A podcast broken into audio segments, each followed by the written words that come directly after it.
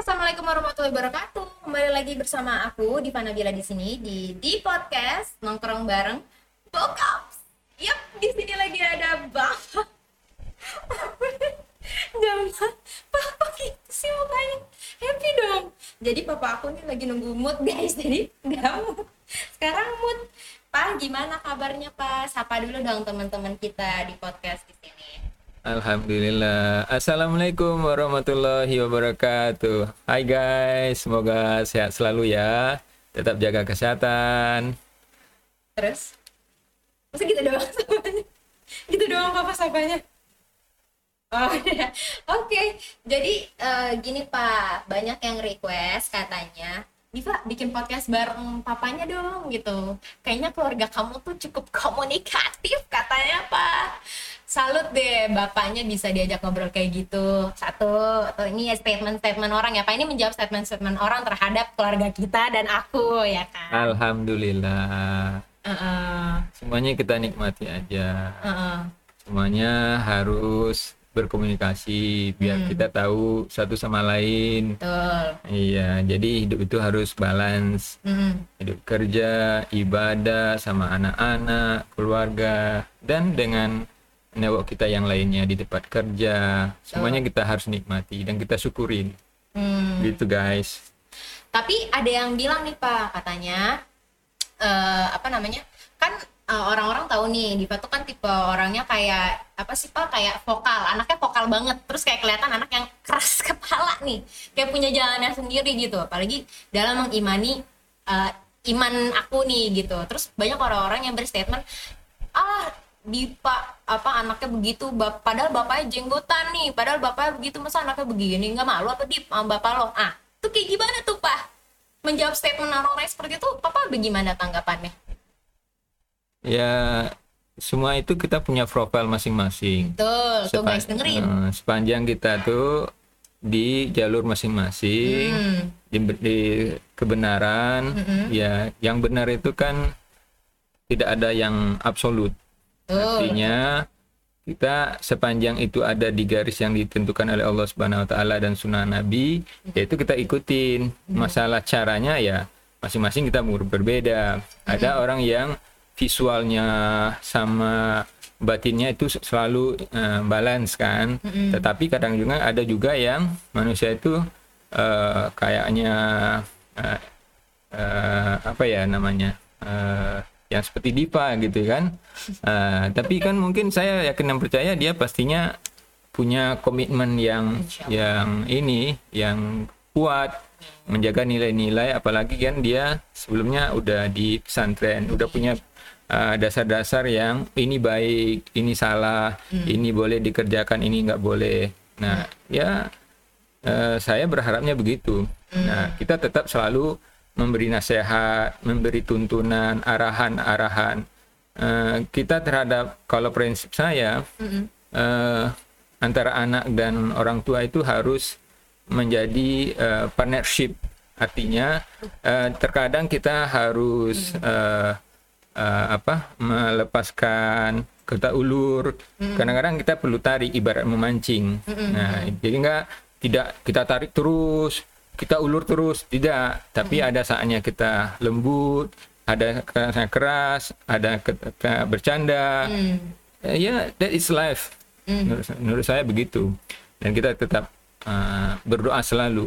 Ke- ikhtiar dan doa itu selalu berbarengan ikhtiar mengasih nasihat. Malam-malam kita berdoa setiap ibadah kita tiap uh, doa untuk anak-anak kita. Oh, Oke, tadi di statement pertama ada jawaban Papa yang bilang em, apa work life sama ibadah life itu harus balance. Yeah. So, how about Papa? Make it balance uh, both of them? Maksudnya gimana Papa ngebalancing kedua hal itu? Kalau dari Papa caranya gimana gitu? Karena banyak orang yang eh, salah satu kadang lebih dominan nih Pak, kayak Dipa, kayak kakak apa? Kakak masih belum belum secara harfiahnya belum bisa benar-benar membalancing working sama ibadah life gitu kadang workingnya masih too much ibadahnya less kadang kalau iman kakak lagi bagus ibadahnya oke workingnya gitu males gitu gimana kalau kakak gimana nih Iya, eh, ibadah dan kerja itu harus ya serasi, balance kan. Artinya kita tidak bisa aja dengan ikhtiar aja tidak bersandarkan pada ibadah pada Allah Subhanahu wa taala tidak. Kita harus ada eh, hubungan yang kuat antara ikhtiar dan doa. Kita sandarkan karena kalau kita hanya usaha aja kalau kita gagal kita akan stres. Hmm, betul. Ya, tapi kalau kita berdoa, berikhtiar, kemudian gagal, kita sandarkan semua udah Allah atur. Ya, makanya kita selalu dekat pada Allah. Nah, itu konsep saya tuh begitu. Jadi kita harus dekat sama Allah, tetap berikhtiar, do the best, dan jangan lupa kita harus sandarkan kepada Allah Subhanahu wa taala. Betul. Nah, tapi kalau begitu juga sebaliknya, kalau kita hanya sandarkan kepada Allah Taala tanpa ikhtiar, itu tidak boleh. Uh, suatu saat kan ada sahabat yang uh, hanya tinggal di masjid berzikir aja, tidak boleh begitu. Dia usaha. Masalah hasilnya itu urusan Allah Subhanahu Wa Taala. Yang penting kita ikhtiar. Burung aja, burung aja yang tidak sekolah, yang tidak ada uh, membikin manage gitu kan, hidupnya ya udah tapi dia ada ikhtiar dia terbang dari suatu pohon ranting ke ranting yang lain masalah dia dapat dia apa yang akan dia makan besok dia tidak pikirkan. Tetapi dia ikhtiar.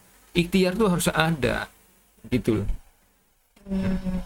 Jadi sebenarnya ikhtiar, tapi juga jangan lupa berdoa sama Allah, ya iya. kan ya? iya itu harus dua-duanya harus uh, suatu mandat uh, ke suatu uh, yang harus dipenuhi doa dan doa dan ikhtiar itu harus ada doa itu kita sandarkan pada Allah Subhanahu Wa Taala Hmm. Tapi Pak, sekarang problematik anak muda seumuran kakak nih ya Pak, banyak banget teman-teman kakak aja lah gitu, dan kadang kakak sendiri gitu. Kita suka mengklaim bahwa kita ini stres banget gitu, stres mikirin masa depan, takut gagal, bla bla bla bla. Kayak we have been to tried my our best, tapi uh, outputnya tidak sesuai nih gitu. Makanya banyak teman-teman kakak yang ngerasa stres, bukan kepayang sampai ke psikolog, ke psikiater dengan base-base masalah mereka juga yang lebih yang kita juga belum bisa gitu yang nggak tahu nih mereka ngalamin apa juga gitu. But then sebenarnya yang yang baik tuh kalau menurut papa gimana sih kalau buat teman-teman kakak yang kayak gitu tuh solusinya gimana menurut papa? Iya itu tadi karena anak-anak muda yang seperti kakak bilang itu hanya menyandarkan pada usaha lahiriah Mm-mm. saja. Ya dia berusaha keras-keras tapi melupakan Allah Subhanahu Wa Taala. Tidak tidak disandarkan pada Allah Subhanahu Wa Taala. Nah itu tadi begitu dia gagal dia nggak ada sandarannya. Dia udah merasa dia udah melakukan the best, udah mati-matian usaha, tapi gagal juga. Nggak ada sandarannya nggak ada. Nah kalau begitu harusnya tadi disandarkan pada Allah Subhanahu Wa Taala. Iyalah dia udah kita udah berusaha dan hasilnya eh, nggak se- yang sesuai dengan harapan kita itu kembalinya ke takdir. Allah udah tahan itu di balik kegagalan itu pasti ada. Allah eh, udah bisa ngasih tahu bahwa kesulitan itu berbarengan. Bukan setelah sulit ada eh, ke hal positif enggak. Itu kesulitan dan eh, kebahagiaan itu saling bersamaan Nah, itu dalam Al-Qur'annya begitu jadi kita harus ingat bahwa kita tuh tidak bisa atas usaha keras kita sendiri do the best menurut kita kita harus ada sandarannya harus ada Nah, sehingga kalau ada sandaran gagal ya nggak apa-apa. Orang yang beriman itu orang selalu beruntung. Kenapa? Di balik kegagalan itu pasti ada pelajaran. Allah tuh pasti memberi yang terbaik. Gagal itu pasti baik. Berhasil itu pasti baik. Kalau kita selalu bersyukur pada Allah Subhanahu wa taala. Gitu. Nah, kembali kepada anak muda, apalagi anak muda, kebanyakan dia hanya mengandalkan meng- mengandalkan ikhtiar aja. Ya, padahal apalagi anak muda itu harusnya dia harus membalenskan antara ikhtiar dan doa seperti yang saya berulang kali sampaikan. Jadi sandarannya bagaimana kita itu mengutamakan menomorsatukan Allah Subhanahu wa taala. Nah, kata dalam Al-Qur'annya itu kalau kita mendahulukan atau sunnah eh, sunnah Nabi kalau nggak salah, ya itu bahwa kalau kita mengutamakan mendahulukan Allah, urusan kita akan diurus oleh Allah. Nah, gitu. Tapi kalau kita sebaliknya, kita lupa kepada Allah, Allah akan membuat kita sulit. Gitu. Kalau tapi kalau kita sebaliknya kita mendahulukan urusan Allah, Allah akan mengurus urusan kita. Nah, kalau Allah udah mengurus urusan kita, itu pasti dan pasti akan sukses. Allah yang punya segala-galanya, Allah kuasa akan segalanya, Allah menciptakan segala-galanya, Allah mengatur segala-galanya. Apalagi kita hanya seba manusia itu hanya sebagian dari makhluk Allah. Iya kan? Ibaratnya gini. Kalau kita membeli suatu membeli suatu produk, di dalam itu pasti ada cara petunjuk. Nah, ya kan? Tu- Petunjuk pemakaiannya, buku guidance-nya ada.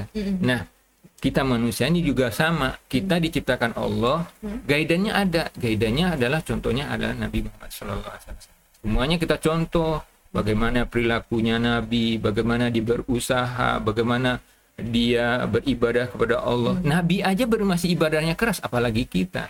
Kebanyakan anak-anak muda yang kita eh, kakak bilang tadi, dia hanya melupakan Allah Subhanahu wa taala. Karena dia merasa oh ini saya udah kok bisa kok ini padahal di balik itu kita tuh tidak punya kekuatan apa-apa. Semuanya Allah atur. Tuh. Oke. Eh, ini another question lagi ya Pak ya. Em, gimana sih menurut Papa? Kan kata Papa tadi eh, orang tua dan anak itu harus bisa jadi partnership yang baik gitu. Tapi nyatanya di orang sana lagi-lagi aku melihat orang-orang di sekitar, di, di sekitarku nih ya Pak. eh, kebanyakan dari mereka terkadang orang tuanya justru menjadi tempat yang paling menakutkan buat mereka sehingga mereka tidak merasa orang tua mereka itu partnership buat mereka kan kalau udah terjadi kayak gitu eh, wajar dong pak terkadang mereka kayak iya gimana gitu sama diri mereka dan menganggap orang tua mereka seperti itu nah itu kira-kira buat anak-anak yang eh, ternyata tidak bisa menem- tidak bisa menemukan rumah sejatinya rumah di orang tua mereka tuh gimana Pak? Itu harus ada ke di dua belah pihak. Tidak hanya bisa menyalahkan orang tua dan tidak juga bisa menyalahkan anak. Nah, si anak juga harus tahu bagaimana mengambil hati orang tua, bagaimana orang tuanya karakteristiknya bagaimana, profilnya bagaimana. Nah, si orang tua juga begitu. Tahu "Ah, anak saya ini modelnya ah, begini, ah, tipenya begitu. Nah, kita harus tahu bagaimana kita menyocokkan. Nah, ibaratnya kalau ibaratnya kalau kita saling mempertahankan ego, nah ibaratnya kita itu eh, melempar eh, besi dengan besi itu tidak akan lengket, Hmm, iya. ya kan? Besi keras, orang tua keras, anak keras, nggak akan cocok. Hmm, Tapi coba salah satu, eh, orang tua keras, anak yang lunak, ya kan? Coba besi, besi dilempar dengan tape yang lunak, apa jadinya? Besi lengket dengan tape. Hmm, ya kan? Tapi kalau besi sama besi dilempar nggak akan lengket. Nah begitu juga antara anak ke- dengan dengan orang tua. Saling mengenal satu sama lain. Sifatnya bagaimana karakter gua si anak bagaimana si orang tua bagaimana orang tua tidak hanya tidak boleh hanya oh kan saya udah saya kasih uang saya udah kesediakan semua sarana. Nggak bisa begitu. Hmm, bagaimana eh, apa eh, makanan batin si anak itu harus ada. Iya. dinasehatin dirangkul ya kadang-kadang bercanda ya kan? Nah, Nabi aja sama istrinya bercanda apalagi kita sama anak kita. Ada waktunya serius ada waktu bercanda kalau bercanda ya bercanda. Ya serius ya serius. Begitu. Jadi eh, kita seimbang. Seimbang.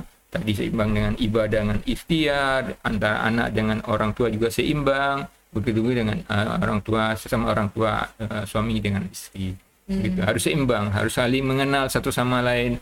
Uh, kalau kita saya belajar dari uh, bekas bos saya waktu kerja di Singapura itu uh, katanya begini sesuatu itu kita harus mendrive orang. Hmm, kalau kita nggak ngedrive orang kita akan drive orang. Tuh, tuh. nah ya kan? Pasti Iya. begitu kan? Nah bagaimana kita mengenal anak kita? Kalau kita udah kenal anak kita kita bisa ngedrive dia. Oh anak saya begitu sifatnya begini. Nah kita harus bisa. Nah kalau kita udah tahu sifat anak sifat anak sifat anak kita atau sifat orang kita akan tahu bagaimana mengendalikannya dia. Betul. Bagaimana dia supaya apa yang kita iku- eh, mau dia ikut bagaimana kita yang nama leader itu adalah bagaimana eh, kita me- mempengaruhi orang Ya. ya kan agar di, mereka bisa ikut kita itu yang leader nah, begitu jadi kita harus mengenal satu sama lain eh, antara si anak dan orang tua dalam fokus eh, dalam topik orang tua dengan anak. Gitu. Papa kan eh, terhitung eh, menurut aku Papa orang yang cukup sukses untuk merantau dari desa Papa ya kan. Dan dari kesuksesan ini nggak mungkin Papa kan sukses mulu gitu kan nggak mungkin kan Pak. Papa pasti ngalamin kegagalan. Iya. Kegagalan apa yang paling berarti di Papa yang sampai ngebuat eh, jadi prinsip hidup Papa nih sampai sekarang gitu? Apa? Pasti kan setiap orang ada tuh Pak yang kayak gitu-gitu. Iya. Kalau Papa tuh yang kayak gimana? Nah, kegagalan waktu yang pertama itu adalah waktu saya eh, papa gagal Mhm, waktu masuk perguruan tinggi negeri. mhm, Karena waktu itu papa kan eh, alhamdulillah kan termasuk ranking lah di di kelasnya kan. mhm, mhm. Nah, sedangkan yang lain di bawah ranking papa eh, bisa masuk, kok papa nggak masuk. Sehingga papa berpikir eh, punya prinsip bahwa eh, saya harus lebih eh, eh, sukses daripada orang yang masuk perguruan tinggi eh, negeri gitu. Jadi itu yang motivasi eh, apalagi papa kan berasal dari kampung ya, orang kampung yang dari kampung ke ke apa ke waktu sekolah SD-nya aja papa itu eh, jalan kelas SD 1 sampai kelas 3 tuh masih di kampung papa jalan kaki lah yaitu kira-kira eh, 3 kilo dari rumah ke S- sekolah SD kelas 4 sampai kelas 6 itu ke kampung lain. Itu lewat eh, jalan setapak Nah, di pinggir eh, pematang sawah ya kan? Kalau apalagi kalau hujan becek oleh sawahnya gitu kan? Nah itu saya memotivasi bahwa saya harus berhasil Eh, karena apa, kan badan, badan papa kan kecil kan? Hmm. jadi kalau papa nggak berhasil eh, bertani itu kayaknya agak sulit kan dengan badan yang kecil kalau ke sawah agak berat gitu kan nah, papa motivasi bahwa saya harus harus berhasil Iya, iya. Ah, ah, jadi itu yang memotivasi papa. Kegagalan itu adalah eh, benar kata orang eh, bahwa kegagalan itu sukses yang tertunda. Artinya dari kegagalan itu kita belajar. Ah, kalau kita jatuh, gagal, bangun dan lari lagi. Jangan eh, terlena di kegagal- dari kegagalan itu. Jadi makanya Bapak motivasi diri Bapak ya, saya harus berhasil. Walaupun saya anak kampung, anak desa, eh, saya harus berhasil merantau SMA-nya di eh, SMP-nya ke kecamatan naik eh, naik sepeda. Eh, awal-awalnya banyak temannya bersepeda kelas 3 SMP itu dari kampung bapak papa sendiri. Tapi tidak papa tidak eh, tidak eh, berhenti di situ. Bapak tetap motivasi bahwa saya harus berhasil eh, di SMP ini. Begitu juga SMA merantau ke kota Madia ya kalau papa cerita eh, berantau di SMA-nya itu kan eh, berangkatnya kan minggu sore berangkat dari kampung bawa beras kemudian eh, lauknya dibikin oleh mama gitu orang tua kan. Nah itu ganti lauknya cuma gantinya eh, sampai hari Rabu. Karena Rabu ada ditipin lauknya ditipin dari kampung. Nah itu kesulitan kesulitan itu yang bikin kita tough. Itu yang bikin kita kita harus kuat. Ya SMA begitu kemudian kuliah. Ya kan kuliah kan pas-pasan kita dananya. Ya, kita, bukan orang kaya jadi kita harus Maksimalin ya maksimal ya kan bagaimana berhemat. Sampai-sampai waktu nulis-nulis itu papa eh, tidak beli buku tapi papa gunakan kertas-kertas bekas seperti kertas bekas obat nyamuk untuk nulis gitu kan Nah, itu ya itu adalah eh, yang memotivasi papa wah kita tuh harus berhasil. Berarti prinsip Papa apa sebenarnya buat berhasil? ya berhasilnya eh, tergantung pada diri kita. Itu tadi kita harus ber- eh, berusaha dan ikhtiar. Kalau kita berusaha dan ikhtiar dan doa itu pasti Allah bantu. Allah pasti eh, memberikan jalan yang terbaik Oke Pak, memasuki sesi, sesi terakhir ini kan aku tadi udah buka apa namanya eh, question box, ada beberapa pertanyaan masuk. Yang pertama, eh, minta tips mix and matchnya dong Om, kok ma- udah padahal udah berumur tapi kenapa kelihatan modesty banget, modesty maksudnya gaul. Kenapa Papa tuh kenapa punya ciri khas eh, style Papa kayak anak muda, sedangkan sebenarnya Papa umurnya kan sudah berumur gitu. Hmm. Tips and match itu apa? Ya, tipnya karena dulu Bapak su, kes- eh, di waktu mudanya, waktu sekolahnya itu Bapak nggak punya apa-apa. Makanya waktu kuliah itu Bapak punya prinsip. Eh, dan waktu itu masih sekolah kan minta sama orang tua nggak dikasih kan minta sepatu yang bagus nggak kasih ya udah pakai itu aja kelas 3 SMA itu sampai di kelas 1 ke sampai kelas 3 itu cuma satu sepatu loh. Hmm. nah SMP juga begitu ya kan? Ah pokoknya boleh dikatakan yang yang nggak ada apa-apa gitu. Nah jadi papa udah punya prinsip nanti kalau saya punya uang berhasil saya, saya akan beli apa yang saya mau Hmm. ya kan?